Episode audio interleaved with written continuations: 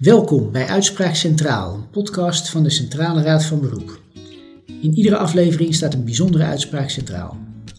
We maken deze podcast om te vertellen over welke zaken wij beslissingen nemen en om inzicht te geven in beslissingen die interessant zijn op het gebied van rechtsvorming en rechtseenheid.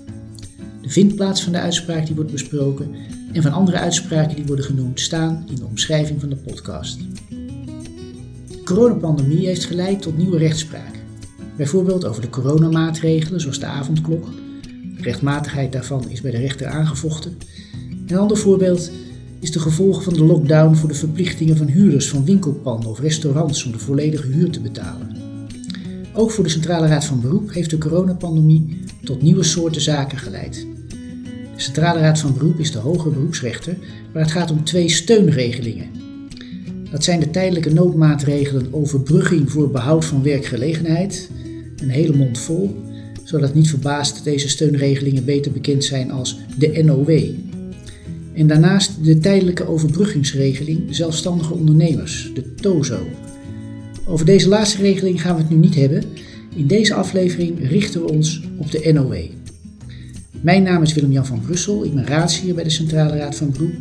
En in deze aflevering van Uitspraak Centraal ga ik de recente rechtspraak van de Centrale Raad van Beroep over de NOW bespreken met Ad van Bommel, senior rechtsauditeur bij de Raad. Welkom Ad. Dank. Ad, jij bent betrokken geweest bij de drie uitspraken die we gaan bespreken. Wat was jouw rol daarbij? Ja, mijn rol is om ondersteuning te bieden aan de raadsheren die de NOW-zaken behandelen. Ehm, als een zaak bij ons binnenkomt, dan wordt die eh, door een rechtsauditeur geanalyseerd. Eh, dat gebeurt in de vorm van een nota, een instructie noemen wij dat. En daarin worden de rechtsvragen die in de zaak spelen uh, besproken en geanalyseerd. En alle relevante rechtspraak of wetsgeschiedenis die van belang is voor de beoordeling van de zaak, uh, worden daaraan toegevoegd. En die nota die mondt uit in een advies aan de raadsheren hoe de zaak moet worden aangepakt. Een andere rol is dat wij uh, bij de zitting waar de zaken worden behandeld aanwezig zijn en ook bij de beraadslagingen na afloop in de raadkamer. En verder hebben we nog een rol bij uh, de totstandkoming van de conceptuitspraak, waarin wij ook een bijdrage leveren. Nu zijn de NOW-zaken uh, ja, een nieuw soort zaken voor de Raad. Hoe heeft de Raad zich voorbereid op deze komst van die nieuwe zaken? Ja, het was voor ons heel lastig om in te schatten om hoeveel zaken dat zou gaan. De NOW-regeling, de eerste NOW-regeling, had alleen al 150.000 werkgevers die een aanvraag om NOW hebben gedaan. Uh, we hebben natuurlijk goed contact met de rechtbanken om te kijken hoe de instroom van NOW-zaken daar is. Maar het blijft een lastige inschatting om te zien in hoeveel zaken uh, hoger beroep wordt ingesteld. Wat wij gedaan hebben is een soort, ik noem maar even, een kopgroep geformeerd van drie raadsheren en drie gerechtsauditeurs. Die belast waren met de voorbereiding van de zaken. En de eerste zaken in de NOW zijn ook door die drie raadsheren steeds behandeld. En op die manier proberen wij uh, expertise op te bouwen uh, op het terrein van de NOW. Daarnaast is het zo dat wij een kennissysteem hebben opgezet.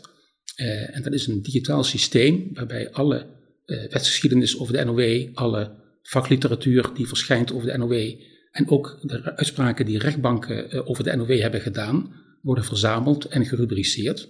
Zodat er een, een mooi kennissysteem is waar niet alleen wij zelf, maar ook medewerkers van rechtbanken gebruik van kunnen maken. En op deze manier eh, geeft het ons ook de mogelijkheid om op het moment dat het aantal NOW-zaken enorm zou toenemen, dat we makkelijk eh, andere collega's kunnen bij laten schuiven om ook deze zaken te gaan behandelen. Dat is volgens mij nog niet aan de hand. Hè? Er is nog geen grote toevloed van zaken. Nee, op dit moment zijn er ongeveer uh, tien zaken maar uh, binnengekomen. Wat natuurlijk heel weinig is als je kijkt naar het aantal aanvragen dat er is geweest. Wij verwachten wel dat straks bij de subsidievaststelling, daar gaan we straks over spreken denk ik, uh, dat dan het aantal beroepszaken en ook het aantal hoge beroepszaken aanzienlijk uh, zal toenemen. Uh, laten we beginnen, voordat we aan de uitspraken toekomen, is naar de regeling zelf te kijken. Het gaat om nogal technische regelgeving, dus een uitdaging voor ons om dit voor de luisteraars toch duidelijk uit te leggen. Wat houdt de regeling in grote lijnen in? Ja, wat je zou kunnen zeggen bij de NOW is dat het een andere kijk biedt op sociale zekerheid.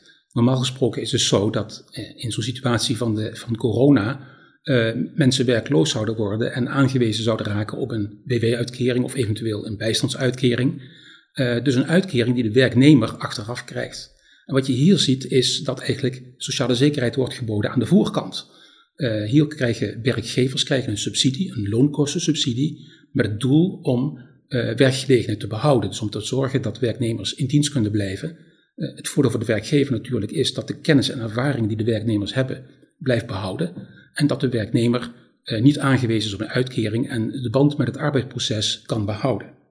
Dus een subsidieregeling in plaats van een uitkeringsregeling? Een subsidieregeling en dat is ook van belang omdat dat een aantal gevolgen heeft. En één belangrijk gevolg is dat de bepalingen in de Algemene Wet Bestuursrecht over subsidies, dat die hier van toepassing zijn. En dat betekent dat, eh, wat in de meeste subsidieregelingen het geval is, dat je eerst een besluit krijgt over de subsidieverlening. Dat is eigenlijk een soort voorwaardelijke aanspraak op subsidie. En daaraan gekoppeld is ook een voorschot die wordt uitbetaald, zodat de betreffende werkgever vooruit kan. En achteraf wordt dan de subsidie definitief vastgesteld. Dus een vaststellingsbesluit. En dat kan er ook toe leiden dat een subsidie lager wordt vastgesteld dan het bedrag wat aan voorschot was betaald. En dat kan dus ook leiden tot terugvorderingen achteraf. De subsidieverlening, wat waren de voorwaarden voor werkgevers om daarvoor in aanmerking te komen? Ja, je moet inderdaad een onderscheid maken tussen de voorwaarden om voor subsidieverlening in aanmerking te komen en anderzijds, als je die, dat recht hebt, hoe hoog de subsidie dan eh, kan zijn. Wat betreft de voorwaarden, uh, het gaat erom dat er sprake is van een verwacht omzetverlies van tenminste 20%. Uh, en dat moet zijn in een aaneengesloten periode van drie maanden. En die drie maanden moeten liggen in een tijdvak dat ligt tussen 1 maart 2020 en 31 juli 2020.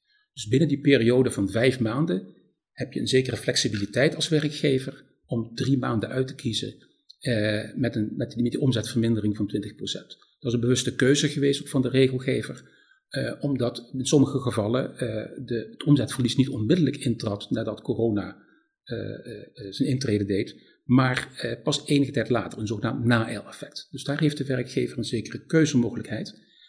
en verder geldt als voorwaarde dat het omzetverlies moet hebben plaatsgevonden hè, door buitengewone omstandigheden die niet behoren tot het normale bedrijfsrisico van een ondernemer.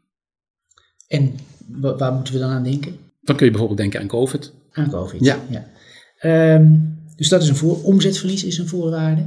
Uh, en dan de hoogte van de subsidie. Hoe wordt die bepaald? Die hoogte wordt bepaald aan de hand van een formule. Uh, de formule die bestaat uit een aantal elementen.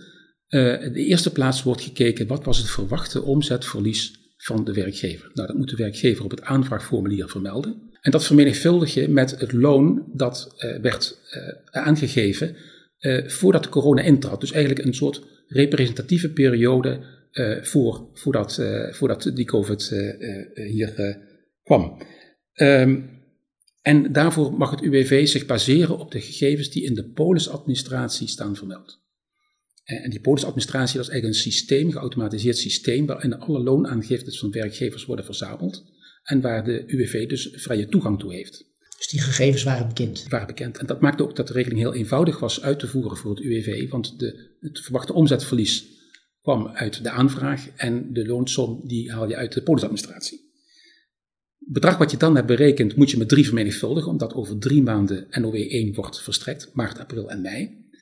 Dat vermenigvuldig je weer met 1,3. Dat is een opslagpercentage, omdat werkgevers naast het betalen van loon ook sociale lasten moeten betalen en pensioenpremie. En tenslotte wordt dat weer vermenigvuldigd met 0,9. En dat heeft ermee te maken dat het kabinet van mening was dat uh, er ook een stukje eigen verantwoordelijkheid is voor de werkgever. Dus 10% is voor rekening van de werkgever, 90% valt onder de coronasteun. En uiteindelijk wordt dan, heb je dan het bedrag aan subsidieverlening. En het voorschot wordt dan vastgesteld op 80% daarvan. En de achtergrond daarvan is dat er een zekere marge is, hè, omdat als achteraf blijkt dat het subsidiebedrag iets lager moet zijn dat je niet onmiddellijk met terugvorderingen te maken hebt, maar dat er een zekere veiligheidsmarge in zit. Dus er zijn eigenlijk twee uh, elementen belangrijk om uh, te komen tot de vaststelling van die subsidie. Dat is de loonsom in uh, januari 2020 of eventueel november ja. 2019 en het te verwachten omzetverlies. Ja. de uitspraken van de Raad die gaan ook over die twee elementen. Ja. Inmiddels heeft de Raad uitspraak gedaan in drie NOW-zaken. Uh, laten we eens kijken naar die uitspraak. Om te beginnen de eerste NOW-uitspraak van de Raad van 28 januari 2021 uh, met nummer 2021 dubbele punt 87. Ik zei in mijn inleiding dat de Raad hoge beroepsrechter is in NOW-zaken, maar dat was wat voorbarig, want dat moest nog worden beslist. Ja, dat was niet zo heel duidelijk geregeld in uh, de NOW. Ehm, in het bestuursrecht geldt als hoofdregel dat uh, de afdeling bestuursrechtspraak van de Raad van State uh, bevoegd is om het hoger beroep, om daar een oordeel over te geven. En dat is alleen anders als een andere hoger beroepsrechter wordt aangewezen. Dat kan bijvoorbeeld zijn de Centrale Raad van Beroep. Dat kan ook zijn het College van Beroep voor het Bedrijfsleven. Of bijvoorbeeld een gerechtshof in belastingzaken. En dat wordt nauwkeurig omschreven in een bijlage bij de Algemene Bestuursrecht in de bevoegdheidsregeling ehm, bestuursrechtspraak. Uh, en het bijzondere was dat die NOW, daar was niks over geregeld, dus die stond niet in die bijlage vermeld. En dan zou je denken, nou ja, volgens de hoofdregel moet dan de afdeling bestuursrechtspraak van de Raad van State bevoegd zijn. Het punt was alleen dat uh, de, de NOW-regeling mede was gebaseerd op de wet SUI. De wet SUI, de wet structuur, uitvoeringsorganisatie, werk en inkomen. op grond van die wet was het UWV door de minister van Sociale Zaken en Werkgelegenheid belast met de uitvoering van de NOW-regeling. En dat bood dus een aanknopingspunt om te kijken, is niet hier de Centrale Raad van Beroep bevoegd, je zit hier in het sociale domein. En daarbij kwam dat de minister in de toelichting bij de NOW eh, had vermeld dat hem leek dat de Centrale Raad van Beroep de meest aangewezen hoge beroepsrechter was om deze zaken te beslissen. En daar is de Centrale Raad van Beroep in zijn eerste uitspraak bij aangeknoopt. En heeft zich bevoegd geacht, absoluut competent geacht om deze zaken te beslissen. En daarmee ook al heel snel duidelijkheid gegeven over de vraag bij welke rechter je hier in hoger beroep moet komen.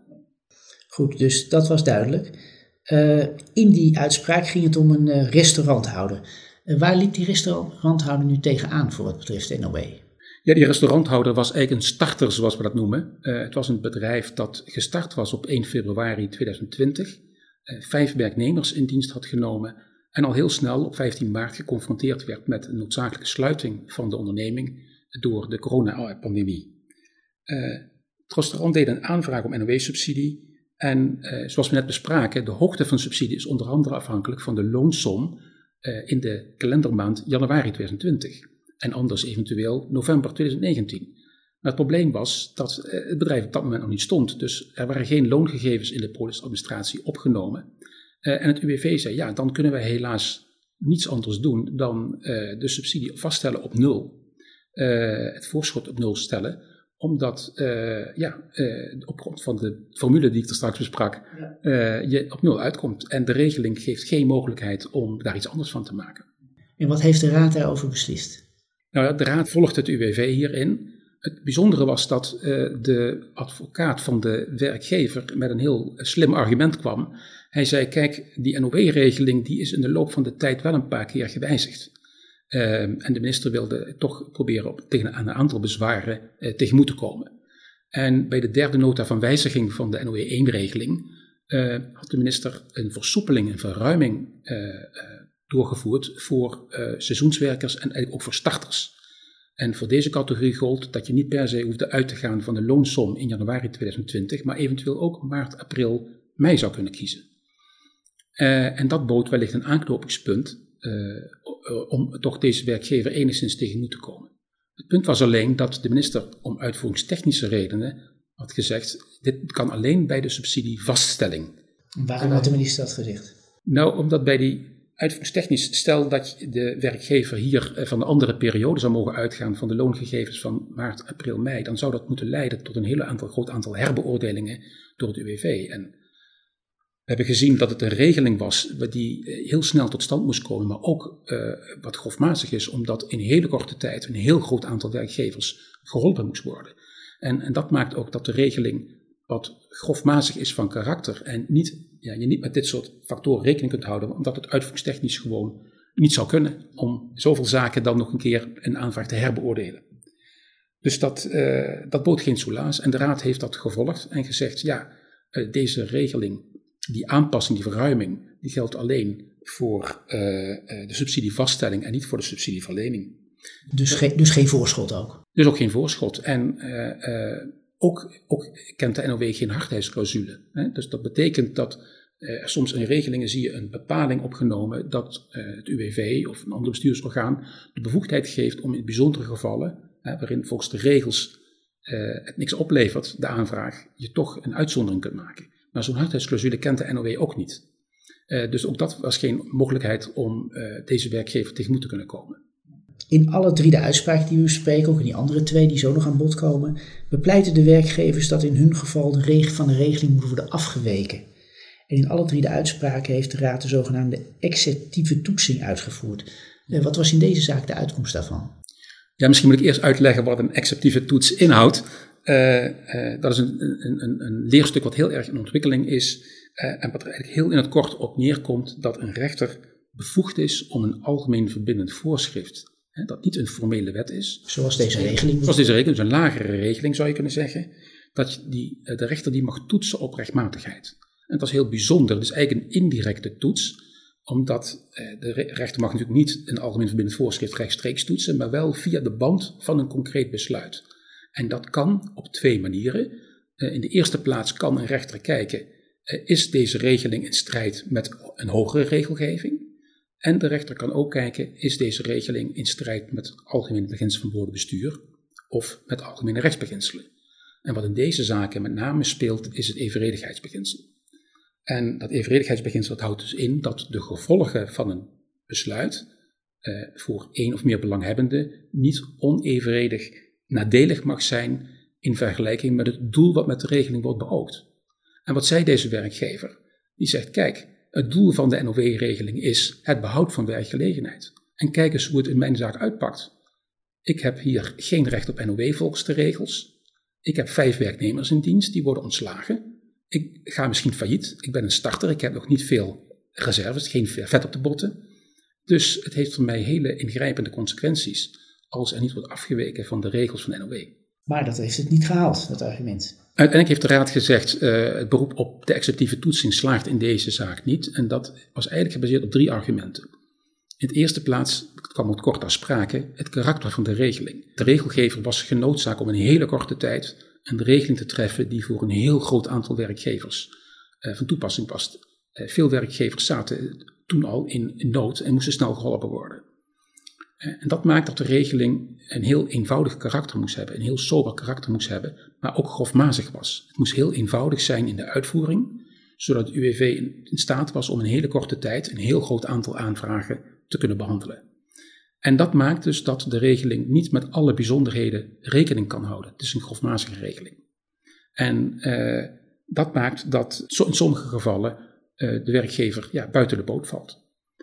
Het tweede argument wat werd gehanteerd is uh, dat uh, er in ieder geval enigszins de minister tegemoet was gekomen met die verruiming waarover we spraken. Dat bij de vaststelling er wel enige ruimte was ten aanzien van die loonsom.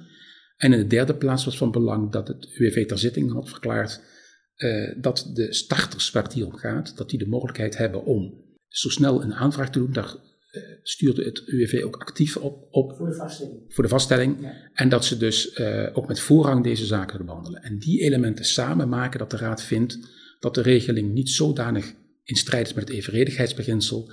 Dat je één of meer bepalingen van die NOW buiten toepassing zou moeten laten en daar iets anders voor in de plaats zou moeten stellen. Ja. Uh, op 22 september van dit jaar heeft de Raad nog twee NOW-1-uitspraken gedaan in uh, de uitspraak met nummer 2021 dubbele punt 2392 ging het om een groothandel in vis, schaal en weekdieren.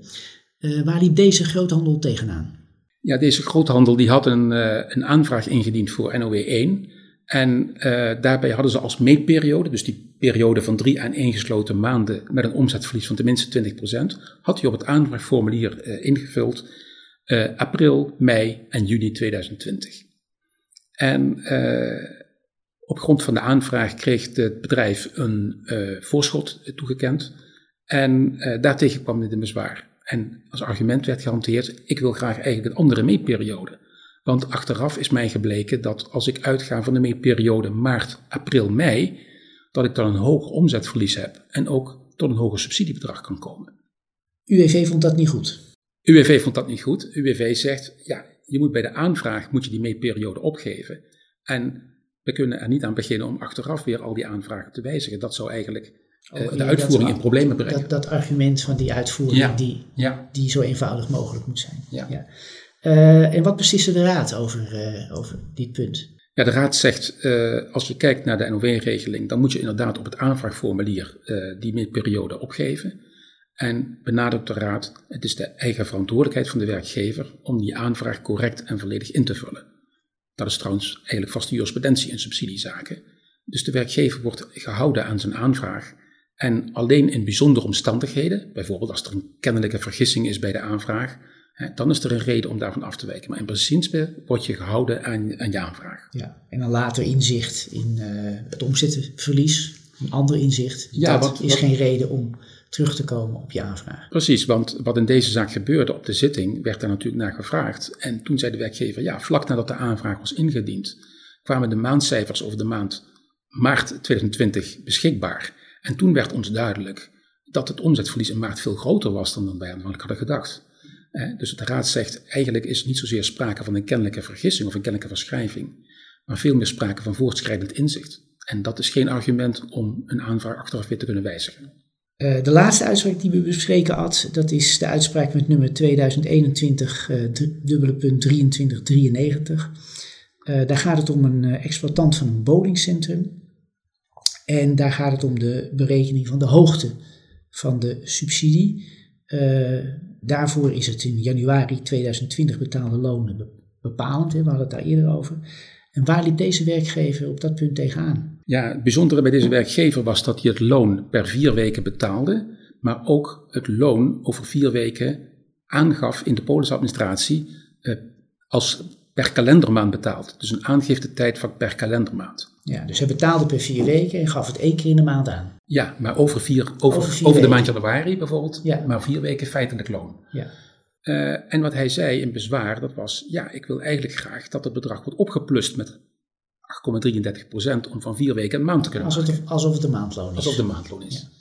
Uh, maar goed, de NOW-regeling is wat dat betreft ook strikt. Die zegt alleen als je een aangifte tijdvak hebt van vier weken, dan kun je oplussen naar met 8,33% Maar hier was het aangifte-tijdvak gewoon per maand gedaan. En dus zegt het UWV, uh, we zien geen mogelijkheid om hier de werkgever tegen te komen. En de Raad, wat zegt de Raad daarvan? Nou, de Raad stelt vast dat de NOW op dit punt heel duidelijk is. Alleen als er een aangifte wordt gedaan per vier weken, dan kun je uh, die 8,33% erbij optellen. Daarvan was hier geen sprake. En uh, wat de werkgever uh, eigenlijk wilde was dat je zou afwijken van de informatie die in de polisadministratie staat. En dat je dus aan de hand van loonstroken of loonstaten kunt laten zien dat je feitelijk per maand meer betaalde. Alleen zegt de raad, ja, als je dat gaat doen, dan zit je toch weer met die uitvoeringstechnische problemen bij zoveel aanvragen. Uh, daar kunnen we helaas niet aan beginnen. Dus we hebben hier eigenlijk met drie gevallen te maken waarin werkgevers wilden dat er voor hun bijzondere situatie eigenlijk werd afgeweken van de NOW-regeling. In alle drie die gevallen heeft de Raad eigenlijk beslist dat ook in die situaties de regeling uh, moet worden toegepast. Ja, maar wat ik wel zou willen benadrukken, dat is dat de zaken die tot nu toe bij de Raad hebben gespeeld, allemaal betrekking hebben op de subsidieverlening. En dan zie je dat in die NOW-regeling de regels heel strikt zijn en dat er eigenlijk niet of nauwelijks ruimte is om af te wijken. Uh, straks gaan we zaken krijgen over de subsidievaststelling. En dan zie je dat in de, eh, zowel in de algemene bestuursrecht als ook in de NOW eh, er zogenaamde kanbepalingen zijn. Dat wil zeggen dat het UWV een subsidie op een lager bedrag kan vaststellen of voorschotten kan terugvorderen. Met andere woorden, eh, hier heeft het UWV een zekere discretionaire ruimte en is ook veel meer ruimte om maatwerk te kunnen bieden. En waar ik zelf heel erg benieuwd naar ben, is hoe het UWV die beleidsruimte gaat invullen en hoe rechters daar straks over zullen gaan oordelen. Uh, daar ben ik ook benieuwd naar, Ad. Uh, we gaan elkaar vast daar nog een keer over spreken, als ook uh, die zaken bij de raad zijn gekomen en daarover is beslist. op dit moment heel erg bedankt voor deze duidelijke uitleg van de NOW-uitspraken van de raad en de regeling. Dit was Uitspraak Centraal voor deze maand. Over twee maanden is er weer een nieuwe aflevering met een nieuwe gast en een nieuwe uitspraak. De productie van deze podcast is verzorgd door Mariska van der Veen. De muziek is van Bert Weijers. Heb je vragen of opmerkingen? Laat het ons weten via Twitter of LinkedIn. Tot de volgende keer.